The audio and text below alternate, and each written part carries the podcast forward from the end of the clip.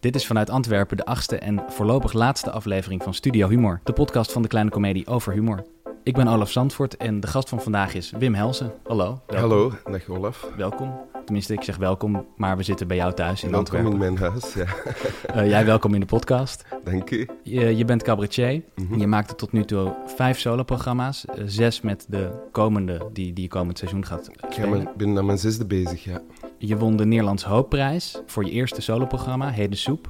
En twee keer de Polifinario, de prijs voor het indrukwekkendste cabaretprogramma voor je voorstellingen Het Uur van de Prutser en Spijtig Spijtig, Spijtig. Je bent jurylid van De Slimste Mens ter Wereld. Dat is de originele versie van eh, die quiz die we in Nederland ook op tv hebben. Ja, Eh, en dan heb je nog je eigen tv-programma Winteruur, waarin je in gesprek gaat met mensen die hun eigen tekst hebben meegenomen, of tekst die hun heeft geïnspireerd of die Ja. indruk op ze heeft gemaakt. Eh, dit klopt zo'n beetje, neem ik aan. Je hebt al een paar keer ja gezegd. klopt allemaal. Ja, heel goed, heel goed eh, researchwerk gedaan. Wikipedia en... eh. Voordat we echt beginnen, stel ik aan iedere gast een vraagje over de historie van de kleine komedie. Mhm. Wie van de grote drie, dat zijn dan de grote drie eh, Nederlandse cabaretiers, Wim Kan, Wim Sonneveld en Toon Hermans. Ah, ik dacht al eh, Gerard Reven, Nee, de- Harry Mulisch en Willem-Frederik Hermans. nee, het zijn dus de, de grote drie cabaretiers. Ja. Eh, Wim Kan, Toon Hermans en Eh, Wim Sonneveld. Wim Sonneveld. Ja. Wie van de grote drie vond het verschrikkelijk om in de kleine komedie op te treden? Hmm. Ja, ik weet het natuurlijk niet, dus ik ga gokken. Van Wim Kan weet ik bijna weet ik het minste. Ik, ik ken hem van verhalen, ik heb nooit iets van hem gezien of gehoord. Eh, Wim, van Wim Sonneveld ken ik een paar liedjes. En ehm Ton Hermans ken ik het beste natuurlijk. En daar heb ik ook het meeste over gehoord, dus ik ga zeggen Toon Hermans. Ik zeg Toon Hermans omdat ik weet dat hij in Carré speelde. En omdat ik van mensen die hem nog hebben weten spelen, eh, zowel wat nare verhalen heb gehoord. Dus ik kan me voorstellen dat hij de kleine komedie te klein vond. Ehm, en dat hij daarom dat niet graag speelde. Maar terwijl ik zit te praten, denk ik, nee, ik ga toch veranderen. Ik ga toch Wim Sonneveld zeggen. Eh, Dus mijn antwoord is Wim Sonneveld. Kijk, eh bij de fout, eh, welke je ook had gekozen, het is Wim Kan. Ah, oké.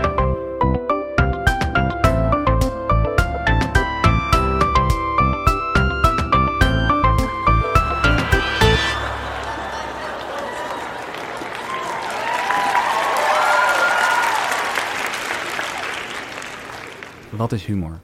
Ja, ik heb daar geen antwoord op. Ik, heb daar ook, ik denk daar ook niet over na. Dus ik, ehm, natuurlijk maakt dat eh, een belangrijk deel uit van mijn leven en van de job die ik doe. En ik heb er ook al wel interessante dingen over gelezen of gehoord. Mensen die ehm, definities geven van humor. Maar ik heb daar niks aan en om dat te snappen of om daarover te discussiëren. Dus alles wat ik daar al heb over gehoord, eh, van ehm, theorie zal ik het noemen, of bespiegelingen, dat vergeet ik direct, omdat ik er niks aan heb, eh, denk ik.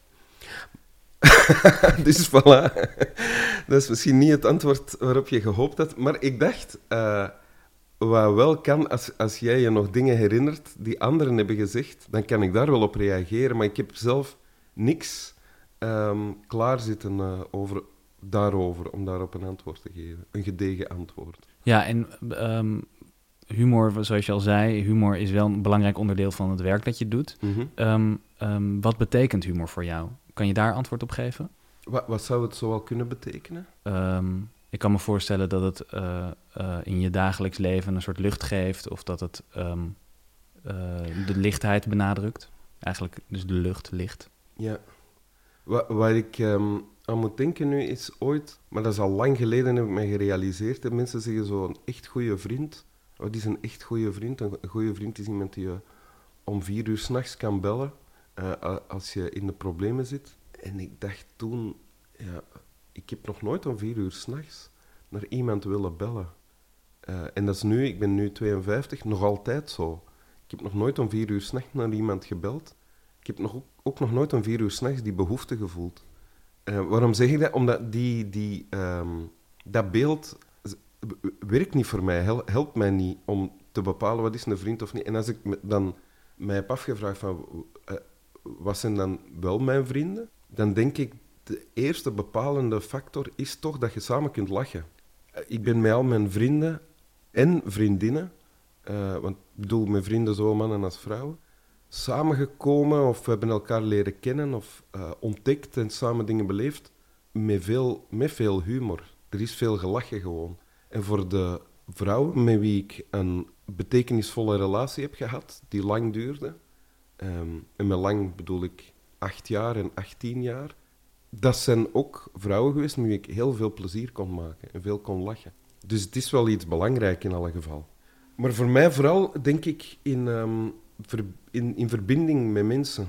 En dus ook met, in mijn relatie met mezelf natuurlijk. Hoe meer, eh, hoe, hoe meer ik zelf in mijn eentje humor kan genereren, hoe, hoe beter mijn relatie is met mezelf. Werkt humor dan verbindend? Ja, dat denk ik wel. Ja. Onder andere. Maar het kan ook ehm, onderlinge relaties juist een beetje onder spanning zetten. Op welke manier?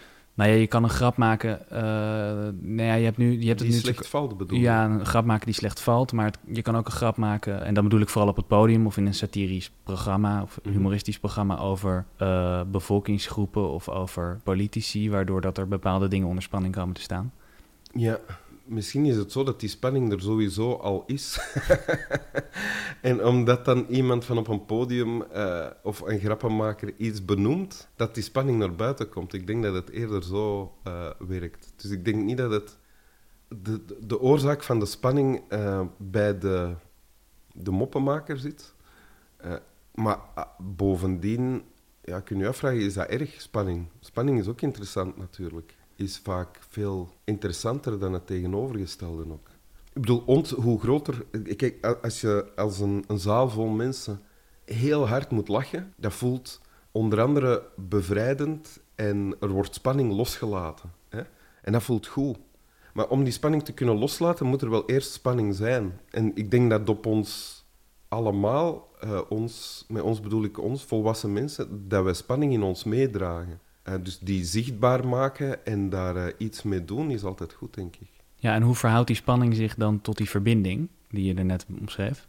Ehm, samen, ja, die verbinding is, die ontstaat onder andere omdat je dezelfde spanning ervaart en ze ook samen kan loslaten. Ik zal een voorbeeldje geven. Met mijn ehm, vorig lief, wij deelden, we hadden ongeveer 100% dezelfde smaak als we naar dingen gingen kijken, voorstellingen. We gingen graag naar van alles kijken. eh, theater, eh, ook cabaret, maar veel, veel theater eigenlijk vooral ook. En, en ook al eens dans en zo. Wat wel een paar keer is gebeurd. Ik had er 100% vertrouwen in dat zij het beleefde zoals ik het beleefde en andersom. Dus je voelt je helemaal begrepen. Wat makkelijker is om eh, grappen te maken natuurlijk. Als je je in een bed van begrip waant. Want je kunt je daar ook in vergissen natuurlijk. En dan gebeurde het wel eens dat ik na vijf seconden al mijn hoofd naar haar draaide en zei, ik het al beu. En dan lachte zij en ik zag en ik voelde dat zij ook wist waarom ik dat zei. Ik zei dat omdat het voor mij niet werkte omdat ik dan dacht van, oh nee, vijf seconden is misschien wel snel. Een halve minuut of zo, maar in elk geval heel snel. Dat iets begint op een manier die bij mij van alles doet ontstaan, dat, ik, dat maakt dat ik denk van, oei oei oei, deze is niet goed. En ik kan mij erin vergissen. En dat veroorzaakt een spanningsje natuurlijk, want ik zit daar wel in die zaal met de bedoeling, of de afspraak, om daar minstens anderhalf uur of langer eh, te blijven zitten. En als ik al beu ben na een halve minuut, dan is dat een probleem. Maar als ik dat, en want, want je kunt dat niet uiten, ook niet als publiek worden geacht om te zwijgen en om te consumeren wat er gebeurt. Dus dat dan wel uiten aan iemand van wie ik vermoed dat hij hetzelfde ervaart. En ook veel te vroeg, want dat is het grappige ook, dat je dat al veel te vroeg zegt natuurlijk. Want je zegt eigenlijk ook van, oh nee, ik zit hier in een gevang, we zitten hier samen in een gevang eh, voor anderhalf uur. Ja, dat maakt, dat, het doet die spanning oplossen. En dus dat is ook verbindend, want je, herkent samen van, oh nee, we zitten hier samen in een gevang. Ik moet er wel bij zeggen, het gebeurt, en dat is dus een paar keer gebeurd, dat ik na een halve minuut zei van, ah, ik ben het al beu. Het is ook wel eh, gebeurd dat ik daarna die voorstelling toch wel heel goed ging vinden. En ik denk dat het helpt dat ik dat dan eh, direct heb gezegd en gedeeld met mijn eh, vriendin van toen. Kan je je herinneren welke voorstelling eh, dit was? Nee, dat weet ik niet meer. Dat zijn sowieso, het zijn geen... Nee, dat weet ik niet meer. Wacht, nee. Nou ja, het- ik, ehm, niet over die voorstelling, maar de, de spanning, denk ik, die je omschrijft, lijkt ook ehm, op de spanning en de lachbui die je kan hebben in de klas met je beste vriend op de middelbare school. Eh, dat er een soort spanning ontstaat omdat je allebei eh, niet zit op te letten en dat je elkaar aankijkt en dat je dan Ja. moet, moet giechelen. Of in een kerk. Een kerk is ook zo'n plek. Hè. Er is ergens eh, de onuitgesproken afspraak. Er wordt gezwegen. Hè. In de kerk, in de klas, in het theater. Ehm, er wordt gezwegen en geluisterd. En dat veroorzaakt spanning. Zeker als er nog allerhande andere dingen aan de hand zijn. En meestal in die eh, levens van ons is er toch van alles aan de hand, denk ik. of is er, om het met jouw woorden te zeggen, gedoe. Ik, ik, ik omschreef het leven eh, voor de opname als gedoe, inderdaad. Ehm, het is wel grappig. Ik moet denken eh, door wat je, wat je zei over eh, de spanning die je kan hebben en dat je met je, met je lief, zoals jij omschreef, dat, eh, met je partner, dat je dan een soort connectie hebt. En ik had met mijn vriendinnetje dat we van Woody Allen Husbands and Wives zaten te kijken. Ja? En dat gaat over, dat is een film van, dus van Woody Allen, waarin de hoofdrolspeler, Woody Allen zelf, ruzie krijgt met zijn vrouw en uiteindelijk gaat scheiden. Of tenminste hun, hun beste vrienden gaan scheiden. Uiteindelijk, dat is misschien een beetje een spoiler alert, gaan die niet scheiden. Maar Woody Allen gaat zelf wel scheiden. En dan is er op een gegeven moment een echtelijke ruzie tussen Woody Allen en zijn vrouw. Tijdens die ruzie dacht ik, eh, jezus, wat een zeikwijf. En ehm, dus ik zei, jezus. En mijn vriendin zei, ja. En toen zei ik, twee seconden later, wacht even. Ik zet hem op pauze. Wie vind jij nu vervelend? En toen vond zij de man vervelend en ik vond de vrouw Is vervelend. daar? Ja. Ah, dat is wel heel goed. Eh, en daar kunnen jullie dan allebei om lachen. Ja, ja, ja, ja. ja. Ja. en, en, ehm, En wie ja, en had toen... gelijk? Dat is eh, ook een belangrijke vraag. nou ja, Heb je dat mijn, dan eh, kunnen... in mijn perceptie heb ik natuurlijk zelf altijd gelijk. Mhm. Maar- Ik denk in dit geval dat jij ook gelijk had. Eh, ik, heb, het- ik heb het wel uitgelegd, maar vaak is het zo dat, dat ik dan het omschrijf wat ik vervelend vind en dat zij dat dan ook wel begrijpt. En eigenlijk andersom ook wel. Ja, maar dat is, dat is dan al... Dat is een beetje jammer als je het moet gaan uitleggen. Hè. Als je het niet moet uitleggen en het wordt meteen begrepen, dat is het heerlijkste, vind ik. Ja, eigenlijk begrepen we het meteen al. Alleen we, wilden, ik, we, we- hadden allebei een beetje de neiging om dan toch even uit te pluizen waar dat nou ja, precies ja, zat. tuurlijk. Dat is ook leuk. Ja, ja. Ja. Ja, ja, ja. Ehm, Dat is maar dat maakt het trouwens ook een hele goede film. Dat, dat, er, dat het dus blijkbaar zoiets Ja. diep menselijks raakt. Waardoor dat je dus echt denkt, jezus. Twee kopspelden lopen over het Rode Plein in Moskou. En aan de overkant komt een veiligheidsspeld aanlopen. Zegt de ene kopspeld tegen de andere kopspeld... Pas op, dat is er eentje van de KGB. Heb jij nou ook een goede mop? Stuur hem dan in een spraakbericht naar olaf.dekleinecomedie.nl En misschien zit jouw mop dan ook wel in de volgende aflevering. Maar nu eerst, terug naar het gesprek. Over eh, humor. Je vroeg net of dat ik een voorbeeld kon geven uit een eerdere aflevering. En toen dacht ik, in de allereerste aflevering zei Roué Verveer dat humor naar zijn idee universeel is. En dat een goede grap in Nederland ook een goede grap in China is, mits goed vertaald. Maar nu, nu dacht ik, jij bent eh, cabaretier, komt uit België, treedt heel veel op in Nederland. Is dat jouw ervaring ook, dat dat, dat het gevoel voor humor, of dat humor wat dat betreft un- universeel is? Ehm, ja, dat is eh, interessant. Context is wel altijd belangrijk natuurlijk. Ik denk niet dat het zo eenvoudig is als Roué voorstelt. Want de context van bijvoorbeeld een Chinees publiek, denk ik, is zo anders. Of wat zij delen dan aan achtergrond is zo anders dan bij een gemiddeld Vlaams of Nederlands publiek, dat het niet zo eenvoudig is, denk ik. Aan de andere kant moet ik wel zeggen, als het over de voorstellingen gaat die ik maak, ehm, het onderwerp in de voorstellingen die ik maak is eigenlijk de mens altijd. Daarom maakt het ook niet uit of ik in Vlaanderen of in Nederland speel. Hier en daar reageren mensen wel een beetje anders natuurlijk, maar in basis eigenlijk niet. Dus dat bevestigt dan weer wel wat je net komt te zeggen. Ja, omdat het gaat over, in mijn voorstellingen, over patronen en manieren van denken en voelen die ik zie bij mezelf en bij anderen rond mij en die blijkbaar algemeen menselijk genoeg zijn om herkend te worden door een niet-Vlaams publiek. Want hier is de context ook, ook anders dan in Nederland. Ik bedoel, er is wel, hè, er is wel wat uitwisseling, maar er zijn toch veel meer Vlaamse cabaretiers, comedians die hier blijven en in Nederland niet echt voet aan de grond krijgen. Eh, en andersom geldt dat ook. Ja, Dat heeft ook nog met andere dingen te maken natuurlijk. Maar het heeft toch onder andere te maken met ja, de socioculturele context, zou ik zeggen. En met hoe mensen met elkaar omgaan. ja dat begrijp ik. Maar jouw voorstellingen gaan ehm, inderdaad, wat je net omschreef, over menselijke dingen. Ja. Maar ook over gekte en over ongemak. Mhm. En dan kan ik me voorstellen, in het geval van China, of tenminste het, ehm, Aziatische landen, eh, in bijvoorbeeld Japan, is er al heel veel sneller of eerder sociaal ongemak. Tenminste, Ja. dat hoor je altijd. Ja. Dus van die uitspattingen die jij in jouw eh, voorstellingen hebt, kunnen daar misschien zo ver over de top zijn, Ja. dat het wat dat betreft misschien dan dus niet universeel is. Of net heel bevrijdend, ja, dat weten we niet. Nee, dat is Het waar. punt is, het zou, in Japan in theorie kan het, denk ik, kan een voorstelling van mij net zo goed werken als hier of in Nederland. Als de mensen in de zaal de context helemaal meekrijgen. maar misschien is dat niet te doen, Eh, dat weet ik niet. Omdat, als ik zeg context, ja, dat zit gewoon in ons lichaam allemaal ook. Hè. Ja. Maar dat gaat over manieren van de realiteit ervaren en van communiceren met elkaar en van voelen.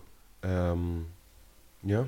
En van posities van mensen in de wereld. Ja, want dat, dat is iets wat Roué ook zei. En ik denk, eh, ik denk dat dat wel klopt. Of wel klopt. Ik bedoel, het, het klopt allemaal. Het is natuurlijk uiteindelijk de perceptie van iedereen. Dus, eh, maar ik denk dat dat klopt. Dat een grap over een, een, een politicus... en dan dus de, gaat de grap over een machthebber die raar doet... Ja. dat dat iets universeels is. Ja, misschien wel. Maar dat is ook niet interessant, vind ik. of eh, dat is zo gemakkelijk, zo simpel. Want zo hebben wij er hier ook al gehad en we hebben er nog. eh, comedians die dan over de actualiteit hebben, en er zijn er hele goeie, maar er zijn er ook die dingen doen die voor mij niet werken. En als het niet werkt, dan heeft dat te maken met het feit dat het alleen maar dat is. Je kiest, je pakt, kiest er iemand uit die in een zogezegd hogere positie zit. Een koning of de paus of eh, een of andere minister. Iets dat hij heeft gezegd. En, eh, en je doet dat op een toon eh, waaruit moet blijken dat dat heel dom is. Ja, maar dat kun je eigenlijk met alles doen. En als het daarbij blijft, dan is er, en er wordt gelachen, dan is dat de lach, denk ik, van ja, het loslaten van de spanning van zij hebben macht en wij niet. En nu draaien we dat om, om want we lachen met die hooggeplaatste figuur. Dus er is ontlading, maar ik heb daar geen... ehm, ja, dat, dat werkt niet voor mij. Ik denk omdat ik naar die... eh, omdat ik dat niet zo ervaar dat die mensen zoveel macht hebben over mij. Kan jij goed tegen autoriteit? Vroeger niet. Ik denk dat ik er nu minder last mee heb. Ik weet het niet zo goed. Eh, Heeft dat daarmee te maken? Of dat je autoriteit, ehm, als je veel respect hebt voor autoriteit, of dat dan leuk is om te lachen om een, Mm. om een hoger geplaatste? Misschien wel. Ik, ik heb, het gaat ook over autoriteit. Ik had heel veel last van mijn 12 tot mijn 30 pak maar, met alles wat met autoriteit te maken had. En dat werd dan bijvoorbeeld gepersonificeerd in de figuur van een politieagent. Eh, maar dat was veel breder voor mij. Ik, vanaf, denk ik, ja, van mijn 12, 13 of zo, eh, begon zo de wereld van de grote mensen, waarin ik voordien geloofde. Eh, toen ik op de lagere school zat, hè, er zijn allemaal regels en ik had geen enkel probleem met die regels. Ik volgde die gewoon, want dat zijn de regels die, die zijn opgesteld door eh, mensen die groter, ouder, slimmer, wijzer eh, zijn dan ik en die het goed met de wereld voor hebben. En dan ontdek je dat dat niet zo is. Dat die regels, of dat veel van die regels eigenlijk ja, willekeurig zijn en dat de mensen die die regels proberen of, en regels gaat over, niet alleen letterlijk over regels, maar, over, maar ook over wat er hangt. Hè. Dit is laakbaar, of dit hoort niet. Er zijn ook veel onuitgesproken regels. Ja. Ik verloor mijn geloof in de meeste van die regels, denk ik. En de handhavers van die regels, dat was dan in mijn geval wat ik zag als autoriteit. En de handhavers van die regels, ja, dat was bijna iedereen. dus ehm, oh, wat ben ik nu? Ik weet al niet meer zo goed op welke vraag dat ik aan het antwoorden ben. Nou ja, Ja, of, dus- dat, of, dat die, of dat die autoriteit, of dat je, je respect voor autoriteit te maken heeft met of je het leuk vindt of niet, dat er grappen worden gemaakt over, Ja. over die autoriteit. Ja.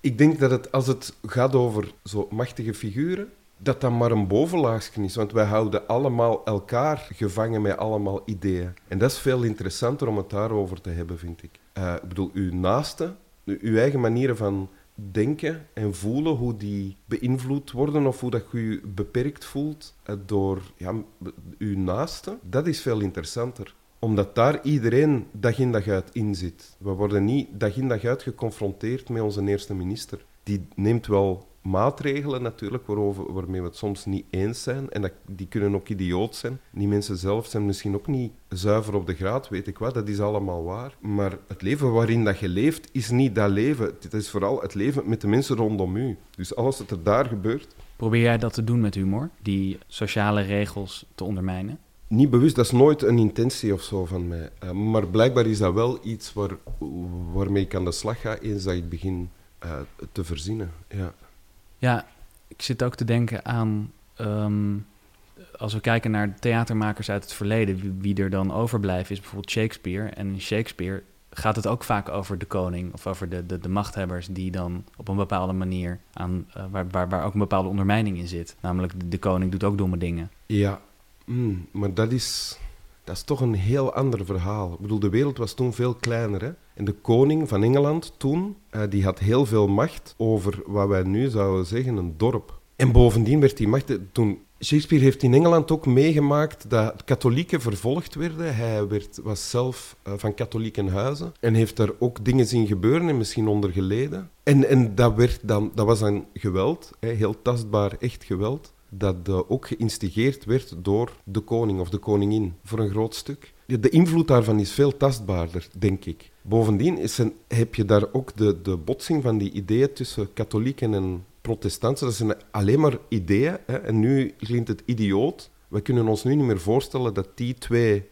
Dat, dat, wij, weet ik wat, vijanden zouden worden omdat jij protestant bent grootgebracht en niet katholiek. Uh, dat is niet meer aan de orde. Maar toen was dat heel echt en tastbaar. Natuurlijk, daarover gaat het nooit bij Shakespeare, over katholieken en protestanten, want dat was ook veel te gevaarlijk als hij daarover zijn gedacht had gezegd. Dan had dat niet lang geduurd waarschijnlijk. dat, is, is één ding. Een ander ding is, denk ik, dat die figuren die koningen dan bij Shakespeare, hij probeert die wel te begrijpen. Hij, hij zoekt de drijfveren van die mensen. Hij probeert die bloot te leggen en te begrijpen en de contradicties daarin ook te tonen aan een publiek op een manier waaruit blijkt dat het eigenlijk niet zoveel anders is als bij ons. Alleen dramatischer, grootser en, um, en vaak met gewelddadige gevolgen. Wat misschien zo is, wat ik denk voor zover ik iets weet over die tijd, toen ook wel algemeen gelden. Ik bedoel, er werd toen veel meer, ook in cafés, over de kling gejaagd en zo. Of duels uitgevochten. Um, maar nu ben ik aan het afdwalen. Ja, ik denk dat dat uh, niet... Sim het, het, is nooit... Shakespeare heeft nooit een grapje gemaakt over een koning of zoiets. Als hij een stuk maakte over een koning, ja, dat was een stuk waarin die koning... Uh, of de relaties van die koning, hoe, die, hoe het kwam dat die koning deed wat hij deed uh, hoe dat onderzocht wordt. Ja. Dus het gaat dan veel dieper. Dus dat is eigenlijk een vergelijking die niet, niet, niet klopt, denk ik. Ja. ja. ik begrijp wat je zegt. Maar je, je zei net um, dat het nu niet meer denkbaar is dat er tussen uh, religieuze, tussen jou en mij, als jij protestant bent en ik katholiek, dat, er dan, dat we dan ruzie zouden hebben alleen op de basis daarvan. Maar is dat wel echt zo? Is, is, is dat, is, bestaat dat probleem niet gewoon nog? Ja, misschien wel. Misschien heb je wel gelijk. Ik denk dan misschien hier, hè, in de lage landen, niet meer tussen protestanten en katholieken. Ja. Maar dat dat probleem bestaat, dat is heel duidelijk. En als, het, als we het alleen maar houden bij protestanten en katholieken, dan moeten we maar naar Noord-Ierland gaan natuurlijk. Dat is niet zo ver. Nee. Dat is daar nog niet opgelost. Het is nu sinds, wat is het, 10, 15 jaar is er, woedt er geen oorlog meer, maar er is nog in die wijken tussen protestanten en katholieken, ja, je kunt niet van, naar van de een naar de andere wijk wandelen als figuur die dat daar niet thuis hoort. Ja, en ook verder is, is het legio natuurlijk. Maar het interessante is, het heeft allemaal te maken volgens mij met de mate waarin dat je jezelf identificeert met daarmee, hè, met, met de groep waartoe dat je behoort. Want het gaat niet echt over religie, volgens mij. Het gaat over identificatie met ik hoor bij deze groep. En dat dat zo deel wordt van wie je denkt dat je bent, dat dat nog het enige is dat telt. Als ik met mijn groep een vijand heb, een duidelijke vijand, dan ga ik mij ook nog eens duidelijker deel voelen van mijn groep, wat een goed gevoel is. En dat gaat die identificatie nog eens versterken natuurlijk. En dat is allemaal naast de kwestie. Dat, dat begint allemaal bij uh, vergissingen en misvattingen. Um, ja, het interessante is dat um, het atheïsme daar ook weer een groep uh, binnen vormt. Dat kan. Dat is niet, niet noodzakelijk zo, maar dat, dat kan wel. Je hebt heel, heel uh, fervente, bijna extremistische atheïsten, ja, met wie het gaat om hun gelijk krijgen ook. Ja, en dat is inderdaad hetzelfde, hetzelfde fenomeen eigenlijk ja. dat daar speelt. En als je dit betrekt op humor, uh, wat zijn dan de grenzen van de grap? Ja, dat weet ik niet. Het ding is dat op zich, hè, waar, wij, het nu over hebben uh, mensen die zich zo hard identificeren met iets, dat is destructief en dat is ook belachelijk. Dus um, belachelijk en lachwekkend. Dus dat is materiaal om uh, met aan de slag te gaan. voor iemand die met humor bezig is. En dan, ja, en dan hangt het af van eh, hoe dicht ligt het bij jouw wereld om daarmee bezig te zijn. Ik leef op dit moment niet in een wereld of in een omgeving waarin godsdienstoorlogen aan de orde van de dag zijn. Ehm, dus ik ben, daar, ik ben wel geïnteresseerd in wat erachter zit en hoe dat, dat werkt. En wat ik kan zien van vergelijking met hoe dat, dat bij mij werkt. Dat ik, kan het mij voorstellen, maar ik leef er niet in. Dus dat is niet iets dat mij, dat mij nu inspireert om, om over te gaan praten, snap je? Ja. Eh, Ja, in elk geval niet op het podium. maar ja, dat over de grenzen van de grap, ja, fijn, dat, weet, dat weet ik dan eigenlijk niet. Dat, Heb jij wel eens zelf ehm, te maken gehad met beledigd publiek? Die gekwetst waren door iets wat jij zei? Ja, in mijn eerste, mijn eerste voorstelling, bijvoorbeeld Heden Soep, daar had ik een heel stuk over Maria. Het figuur dat op het podium staat, eh, maakt zich kwaad over het feit dat Maria heilig wordt genoemd, terwijl zij er nooit iets heeft voor gedaan. En hij ziet zichzelf als veel meer ehm, aanspraakmakend op de titel heilig dan zij. En vanuit die frustratie begint hij ook te schelden op Maria. En ehm, ja, ik vond dat zelf heel grappig en meestal de mensen ook. Eh, maar in Nederland waren er wel plekken eh, waar mensen zijn buiten gegaan eh, op dat moment. Dat is dan natuurlijk niet in Rotterdam of Utrecht of Amsterdam, maar zo op die, in, ergens in die... Zo, ja, ik weet niet juist waar dat, dat allemaal is. Hè, die, die, eh, De Bijbelbelt. ja, die, die christelijke, protestantse plekken. Dus dat is gebeurd. Ja, die mensen zijn dan weggegaan. En ik vind dat dan vooral... Eigenlijk vind ik dat vooral heel respectloos van die mensen. Dus ik, natuurlijk, als zij zich beledigd voelen, dan is dat zo. Daar kunnen zij op dat moment ook niks aan doen. En dan zou het van respect getuigen om wel te blijven zitten en mij aan te spreken eh, achteraf. En dan, als ik mijn verantwoordelijkheid dan opneem, dan ga ik dat gesprek niet uit- de weg. Dan ga ik dat aan met die mensen en dan leg ik uit. Dus zij waren beledigd, hè, die, ging, die waren dan beledigd omdat er met het geloof werd gespot. Maar ik had heel graag met die mensen achteraf gepraat eh, en gezegd van ja, het figuur dat ik speel, die heeft het over, die maakt zich kwaad over het feit dat Abba, Abba heet en niet Abba Buff.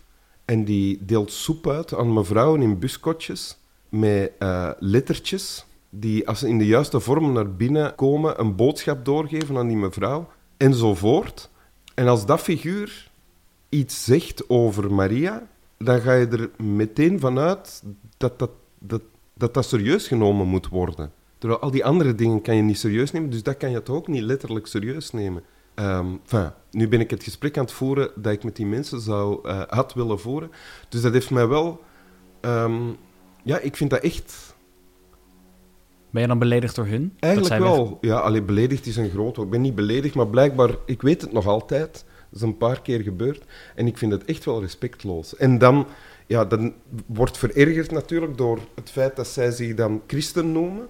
En in hoedanigheid van christen zich verheven voelen of eh, moreel eh, verheven boven al diegenen die niet, niet christen zijn. Maar dan wel eh, de openheid van geest en het respect missen om een gesprek aan te gaan en gewoon weg te lopen. Natuurlijk kan ook zijn dat het gewoon, dat het gewoon onverdraaglijk is voor hen. En dat ze het sowieso ook niet goed vonden, de voorstelling, dat weet ik niet. Eh, nu spreek ik mezelf tegen. Maar ja, ik, was, ben niet beledigd geweest, maar ik vind dat toch wel... Ik vind dat echt wel fout. Ik vind dat zij daar in de fout gaan. En wat je net zegt over het personage dat jij op, de, op, op het podium brengt. Je vertelt een heleboel. Mhm. Eh, namelijk, eh, de- dus wa- wat je net zegt, en dat, dat, er een, dat er een personage is en dat boos wordt over dat ze niet Abbe Buff heten, maar eh, wat je net allemaal vertelt. En daar worden mensen boos over. Hoe belangrijk is de context van die theaterzaal daarin? Hoe bedoel je? In, in, waarin? In die, jij, jij speelt iemand en die Mhm. theaterzaal is de plek waar je dat doet. Mhm. En als je dat buiten de theaterzaal zou doen en op straat zou gaan staan, wat, is, wa- wat is dan het verschil? ja, op straat zou ik eh, niet lang eh, overleven, denk ik. Ik bedoel, ik zou opgepakt worden of zo, ja. Ehm, het, theater is... is eh, ja, daar zijn mogelijkheden. Er gelden afspraken, namelijk eh, die in het echte leven niet gelden. Namelijk, als iemand op het podium komt staan, eh, dan staat hij daar niet noodzakelijk als zichzelf. En dan kan hij heel gekke, heel rare dingen doen die je niet eh, op de markt doet, bijvoorbeeld. Ja. Maar de afspraak is, dat is de bedoeling en jullie, eh, of het publiek, wordt uitgenodigd om daar naar te kijken. Dus je kunt ook blijven kijken. Stoor, stoort je dan aan die mensen die dan weglopen dat ze eigenlijk gewoon niet begrijpen wat dan die theaterzaal is? Nee. Nee, wat mij stoort is, is hun manier van communiceren, eigenlijk. Maar ik moet nu denken, er heeft eens een, in Nederland ook een mevrouw na een voorstelling gezegd, ik denk ook dat het na Heden Soep was, dat ze het heerlijk vond om naar zo'n zwerversfiguur te kijken. Ze zei, in het echt, in het echt durf ik er niet uh, naar blijven kijken, want die zijn altijd, je weet nooit wat die gaan doen. Maar nu kon ik er naar blijven kijken, naar hoe die denkt en wat hij allemaal zegt en doet. Dat vond ik heel, heel grappig dat hij dat zei. Want dat was helemaal niet mijn intentie om een zwerversfiguur op het podium te brengen. Maar ik kan me heel goed voorstellen dat zij dat zo ziet. Als iemand die allemaal waanzinnige dingen zit uit te kramen. Waar er toch een of ander soort kern of logica in zit die voor hem helemaal klopt. Wat dat je ook kunt associëren bij een, met, met een zatte zwerver natuurlijk. Dus dat, en dat illustreert het verschil tussen een theater en de straat, zeg maar. Voor mij. Is dat duidelijk wat ik zeg? Ja. Ja. Ja, ja de, de, de, je bedoelt dat die vrouw, uh, dat dat precies het verschil is. Dat die vrouw in het theater wel durft te kijken en in... Uh, durft kijken en blijft, en blijft kijken. En dat is ook de afspraak. Doe maar. Hè? Ja. Uh, blijf maar kijken. Maar het is, het is eigenlijk ook veilig, natuurlijk. Als publiek is het super veilig. Ja. En als speler is het ook redelijk veilig. Ik bedoel, je kunt veel meer doen dan dat je buiten op straat kunt doen. Is dat het belang van uh, humor of kunst? Dat je binnen die kunst of binnen dit theater of wat het dan ook is, onderwerpen kan aansnijden die in het dagelijks leven taboe zijn? Nee. Of zo zou ik het niet, zo, zo, zo zou ik het niet uh, formuleren in geval. Ja, taboe. Wat betekent taboe? Taboe betekent dat, iets, uh, dat er over iets niet gesproken mag worden. Dus daar, daar ligt een heel grote spanning op. Hè? Dus dat onderwerp, dat dan taboe is, ja, is heel dankbaar om, over, om wel over te schrijven of te praten op een podium of, of iets over te maken. Dat klopt wel, denk ik. Maar andersom klopt het niet. Andersom, het is niet zo dat je, als je dan kunst maakt, dat je taboes moet aansnijden. Dat hangt dan ook weer af van ja, de persoonlijkheid van de maker en wat hem of haar bezighoudt, denk ik. Als, als jij de wereld voornamelijk als harmonieuze, vredige plek ervaart en je hebt een artistieke impuls, dan maak je daar misschien muziek over die 200 jaar later nog altijd wordt gespeeld, maar waarin taboe niet aan de orde is, omdat dat niet is wat u als, als mens, als maker op dat moment bezig hield. Snap je? Ja. Ja, dus in, in de kern moet de kunstenaar dan dus gewoon vrij zijn om te maken wat hij of zij wil maken. Ik denk dat de kunstenaar niet anders kan, eigenlijk. Tenzij natuurlijk dat je leeft op een plek waar je veel dingen niet mag zeggen. Dan uh, wordt dat beknot. Maar dan zal de kunstenaar, als we, als we hem dan zo noemen, wel die drang heel hard voelen. En dan zal hij niet anders kunnen dan aan die drang toegeven, denk ik. En als het dan niet in het openbaar mag, dan zal hij, weet ik wat, dagboeken gaan schrijven. Of, of kronkelige grappen die begrepen worden door de mensen en waarvan hij tegelijkertijd uh, niet, niet kan beticht worden dat hij het, het, regime ondermijnt. Ik zeg nu wat ik zeg omdat ik een tijd geleden zoiets heb gezien over humor in Hongarije tijdens, eh, tijdens de periode van de Koude Oorlog. Waarin ook grappenmakers, ik weet dat niet of dat, dat professionele grappenmakers waren, ook grappen zo um, vorm gaven dat ze begrepen konden worden en dat ze tegelijkertijd er niet voor in de gevangenis konden belanden. Wat dan toch ook mislukte natuurlijk. maar ja, dat is weer een ander verhaal. En ik ben blij dat ik je niet vergeten ben. Dat ik nog zoveel kleine dingen van je ken. Omdat ik steeds ben blijven dromen dat het toch zo ver zou komen, ben ik blij dat ik je niet vergeten ben.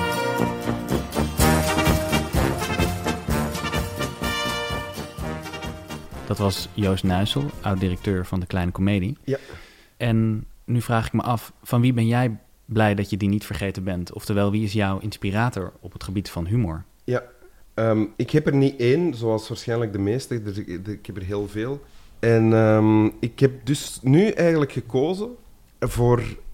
Uh, want ik dacht eerst van, ah ja, ik zou een D kunnen zeggen, of een D. Uh, Hugo Matthijssen, Kamagurka, uh, Guy Mortier, zou ik kunnen zeggen, mensen die al aanwezig waren in mijn leven van to toen ik puber was. En die grote helden waren voor mij en nog altijd zijn. Maar ja, er komen er dan weer zoveel bij. Uh, en dus ik, heb, uh, ik dacht, ik pak gewoon de laatste, de laatste mens waarvan ik dacht van, oh wauw, ja, dat is fantastisch. dat is nu dat is een, eh, een dichter, een Amerikaanse dichter, James Tate heet hij. Die is gestorven. En ja, die schrijft gedichten. Het heet gedichten, het heet proza-gedichten. Dus het zijn verhaalachtige gedichtjes. En ehm, ik zou er graag in voorlezen. Dus ik heb hier een boekje van hem, The Government Lake Last Poems heet het. Dus hij is gestorven. En toen hij gestorven was, hebben ze zijn allerlaatste gedicht in zijn uh, typemachine gevonden, want hij typte ze nog echt. En dat allerlaatste gedicht is ook het laatste gedicht in deze bundel. En ik, misschien moet ik het niet helemaal voorlezen, want het is daarvoor te lang, maar ik ga in elk geval het begin al voorlezen. Hè. Ja. Het, dus het allerlaatste gedicht, van, en hij was uh, misschien ook nog zeggen, dus een, Pulitzer Prize winner, dus een uh, gerenommeerde dichter, in Engelstalig taalgebied. En het laatste gedicht dat hij ooit schreef, de dag dat hij stierf, uh, heeft als titel I sat at my desk and contemplated all that I had accomplished. Klinkt alsof hij wist dat hij ging sterven. Maar ik denk niet dat dat het geval was. Ik weet het niet, natuurlijk. En dan het gedicht zelf. I sat at my desk and contemplated all that I had accomplished this year. I had won the hot dog eating contest on Rhode Island. No, I hadn't. I was just kidding. I was the arm wrestling champion in Portland, Maine. False. I caught the largest boa constrictor in southern Brazil. In my dreams. I built the largest house out of matchsticks in all the United States. Whoa! I caught a wolf by its tail. Yummy. I married the Princess of Monaco. Can you believe it? I fell off of Mount Everest. Ouch! I walked back up again. It was tiring. Snore. I set a record for sitting in my chair and snoring louder than anybody. Awake! Enzovoort. We zitten nu in de helft van het gedicht. Ja, en als ik bijvoorbeeld dit lees, of ook andere gedichten van hem, dan denk ik, dan, uh, ja, dat, ik, vind, ik vind dat fantastisch. Omdat ik denk van, ah, oh, die, uh, zijn, de geest van die man werkte op een gelijkaardige manier als dat mijn geest vaak werkt. Um, ja. dus hij begint met: I sat at my desk and contemplated all that I had accomplished this year. I had won the hot dog eating contest on Rhode Island. Ja, dus iemand zit aan zijn bureau en um, denkt na over al wat hij dat jaar heeft verwezenlijkt. En dan begint hij mee op te schrijven of te bedenken ik heb de hot dog eating contest gewonnen op Rhode Island. En dan zegt hij, no, I hadn't. I was just kidding. Maar tegen wie was hij kidding? Tegen zichzelf dan, blijkbaar. Dus hij is grapjes aan het maken tegen zichzelf. No, I hadn't. I was just kidding. En dan is de verwachting hè, van, ah, oké, nu gaat hem iets echt zeggen. Uh, maar dat komt natuurlijk niet. I was the arm wrestling champion in Portland, Maine. False. Enzovoort. Ja, nu ik, begin ik het eigenlijk gewoon opnieuw uh, voor te Maar ah, ja, ja. Dus in begin, wat hij in het begin doet, is hij zegt gekke dingen die hij heeft gedaan, om dan telkens te zeggen, nee, die heb ik niet gedaan. En dan verandert het. Uh, I built the largest house out of matchsticks in all the United States. Wow! Dus daar zegt hij niet meer... Um, dus de, nood om te zeggen, nee, dat is niet waar, is ondertussen weggevallen. In plaats daarvan komt in het gedicht de werkelijkheid binnen van ah, ik heb dat echt gedaan. Ik bedenk dat nu, dus ik heb dat gedaan. In, in het universum dat ik zelf bouw, is dat zo. Uh, dus dan gaat hij verder. Ik heb een wolf bij zijn uh, staart gepakt. Yummy. I married the princess of Monaco. Can you believe it? En dan wordt het echt kinderlijk eigenlijk. I fell off of Mount Everest. Ouch, I walked back up again. Dat is zo grappig, omdat dat zo kinderlijk is. Ik ben van Mount Everest gevallen. Zeg, auw, dat deed pijn. Ben terug naar boven gewandeld. Dat is zo uh, ridicuul dat het heerlijk is, vind ik. En, um... Ik zou willen vragen, um, wat doet het met je als je het leest? Alleen, ik zie wat het doet. Dat is even ja. voor de luisteraars. Je, je, je um, uh, Wim begint, zijn ogen beginnen te twinkelen terwijl hij het leest. Oké, okay. dat heb ik niet onder controle natuurlijk. Nee, nee, nee maar dat, dat, dat, dat zegt veel over, denk ik, uh, hoe je het ervaart als je het leest. En is, herken je er iets in? Ja, kijk, het is niet alleen maar, het is niet alleen maar gekkernij, want dit, hij gaat dan verder. Het, het, het, laatste zinnetje is, of de laatste twee zinnen. A policeman stopped me on the street and said he was sorry. He was looking for someone who, who, just li who looked just like me. What are the chances? En daar is het gedaan. Dus hij eindigt met... Hij lijst op al zijn um, verwezenlijkingen. En de laatste is ook zelfs geen verwezenlijking niet meer. Het is gewoon iets dat gebeurd is. Dus al schrijvend verandert er ook van alles. Zou je die laatste zin nog een keer willen voor, voorlezen? A policeman stopped me on the street and said he was sorry. He was looking for someone who looked just like me. What are the chances? Weet jij of dat hij op zijn laatste dag dat hij nog leefde buiten was? Dus het is de vraag of dat dit allemaal in zijn hoofd zich afspeelt... of dat het ook, ook onderdeel is van wat hij echt meemaakt. Er is niks, niks eh, echt van. Nee. Daar ben ik al zeker van. Ook door de andere dingen die hij heeft geschreven. Als hij zegt, een politieman heeft mij aangehouden en sorry gezegd, omdat hij voor iemand anders, omdat eigenlijk iemand anders aan het zoeken was, die net die op mij lijkt.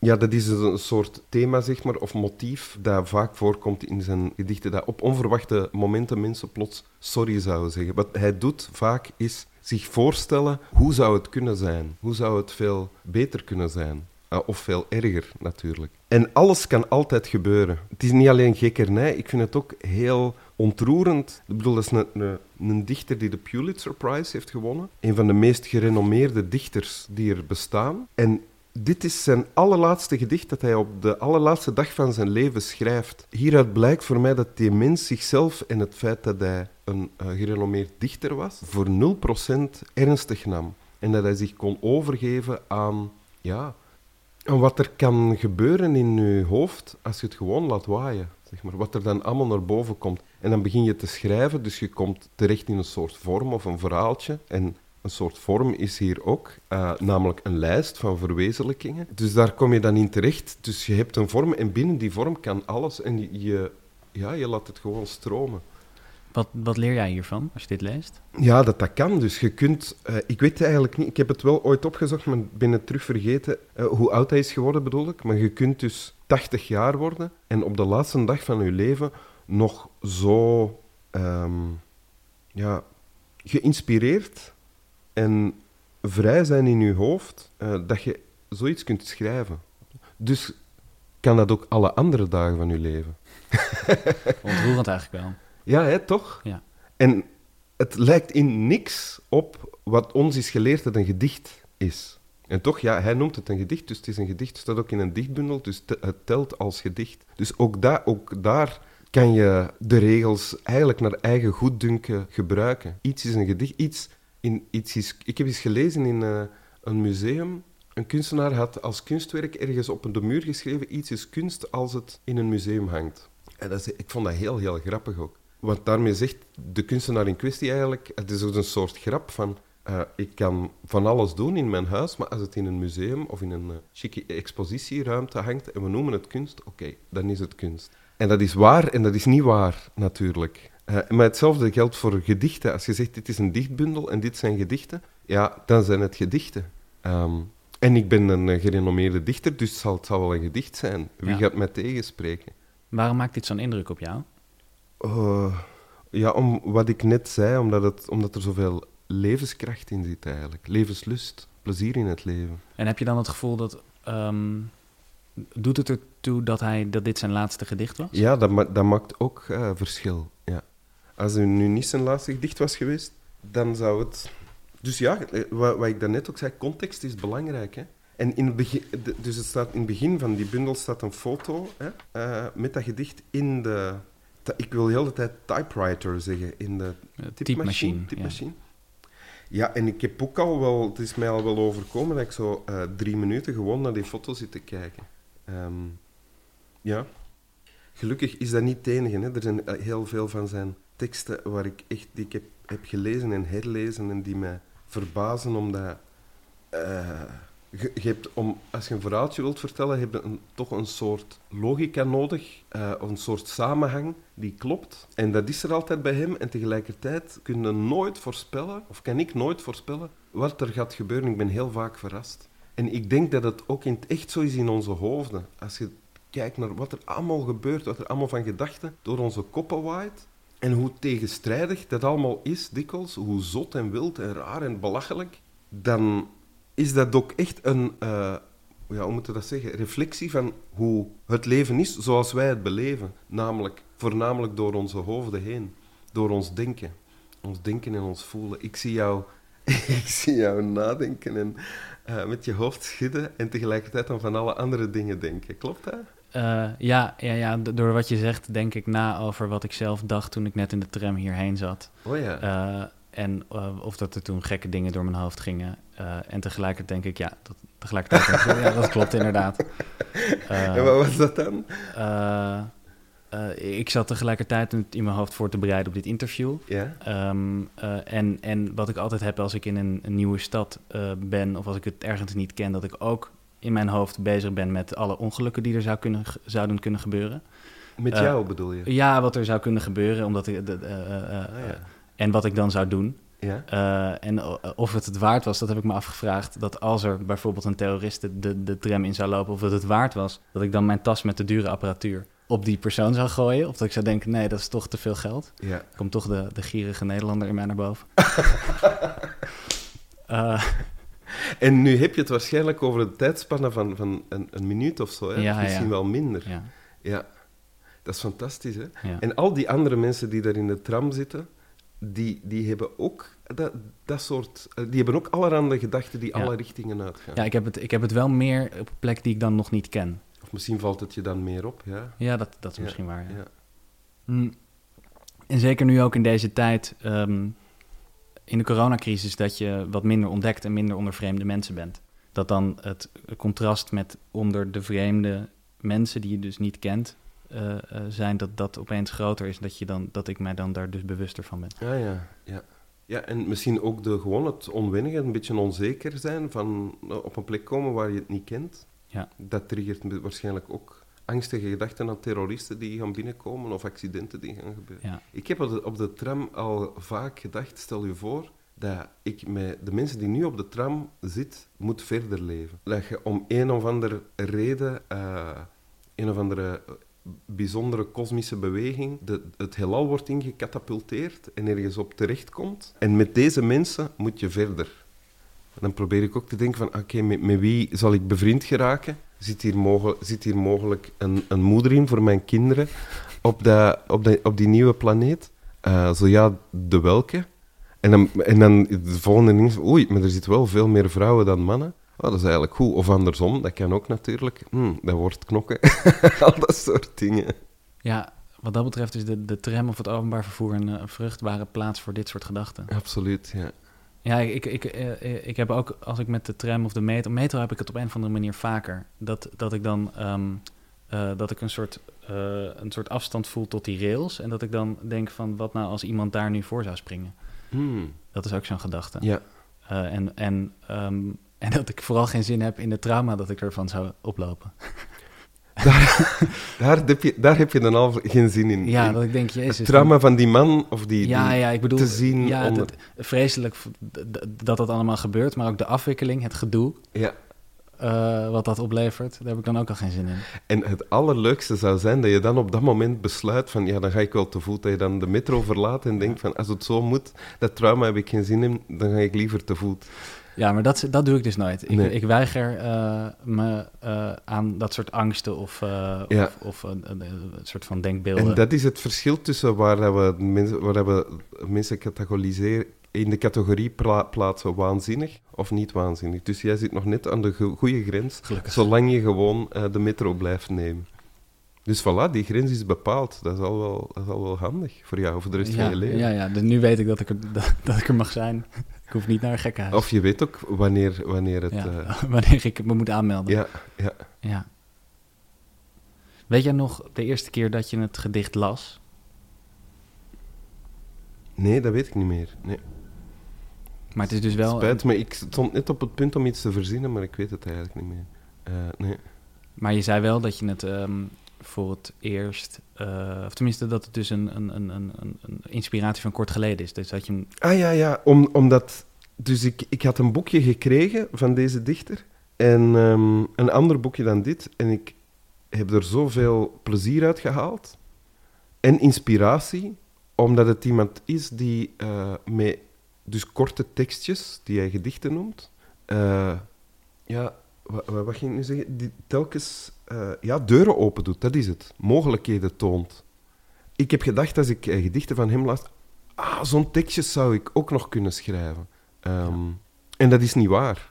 Dat is dan ook grappig. Want ik heb gemerkt, als ik begin te schrijven... Ik zoek dan... Hij begint dikwijls met, met een of ander... Ik zag een kind uit een boom vallen en terug in die boom klimmen. Dat is bijvoorbeeld een begin van iets dat hij schrijft.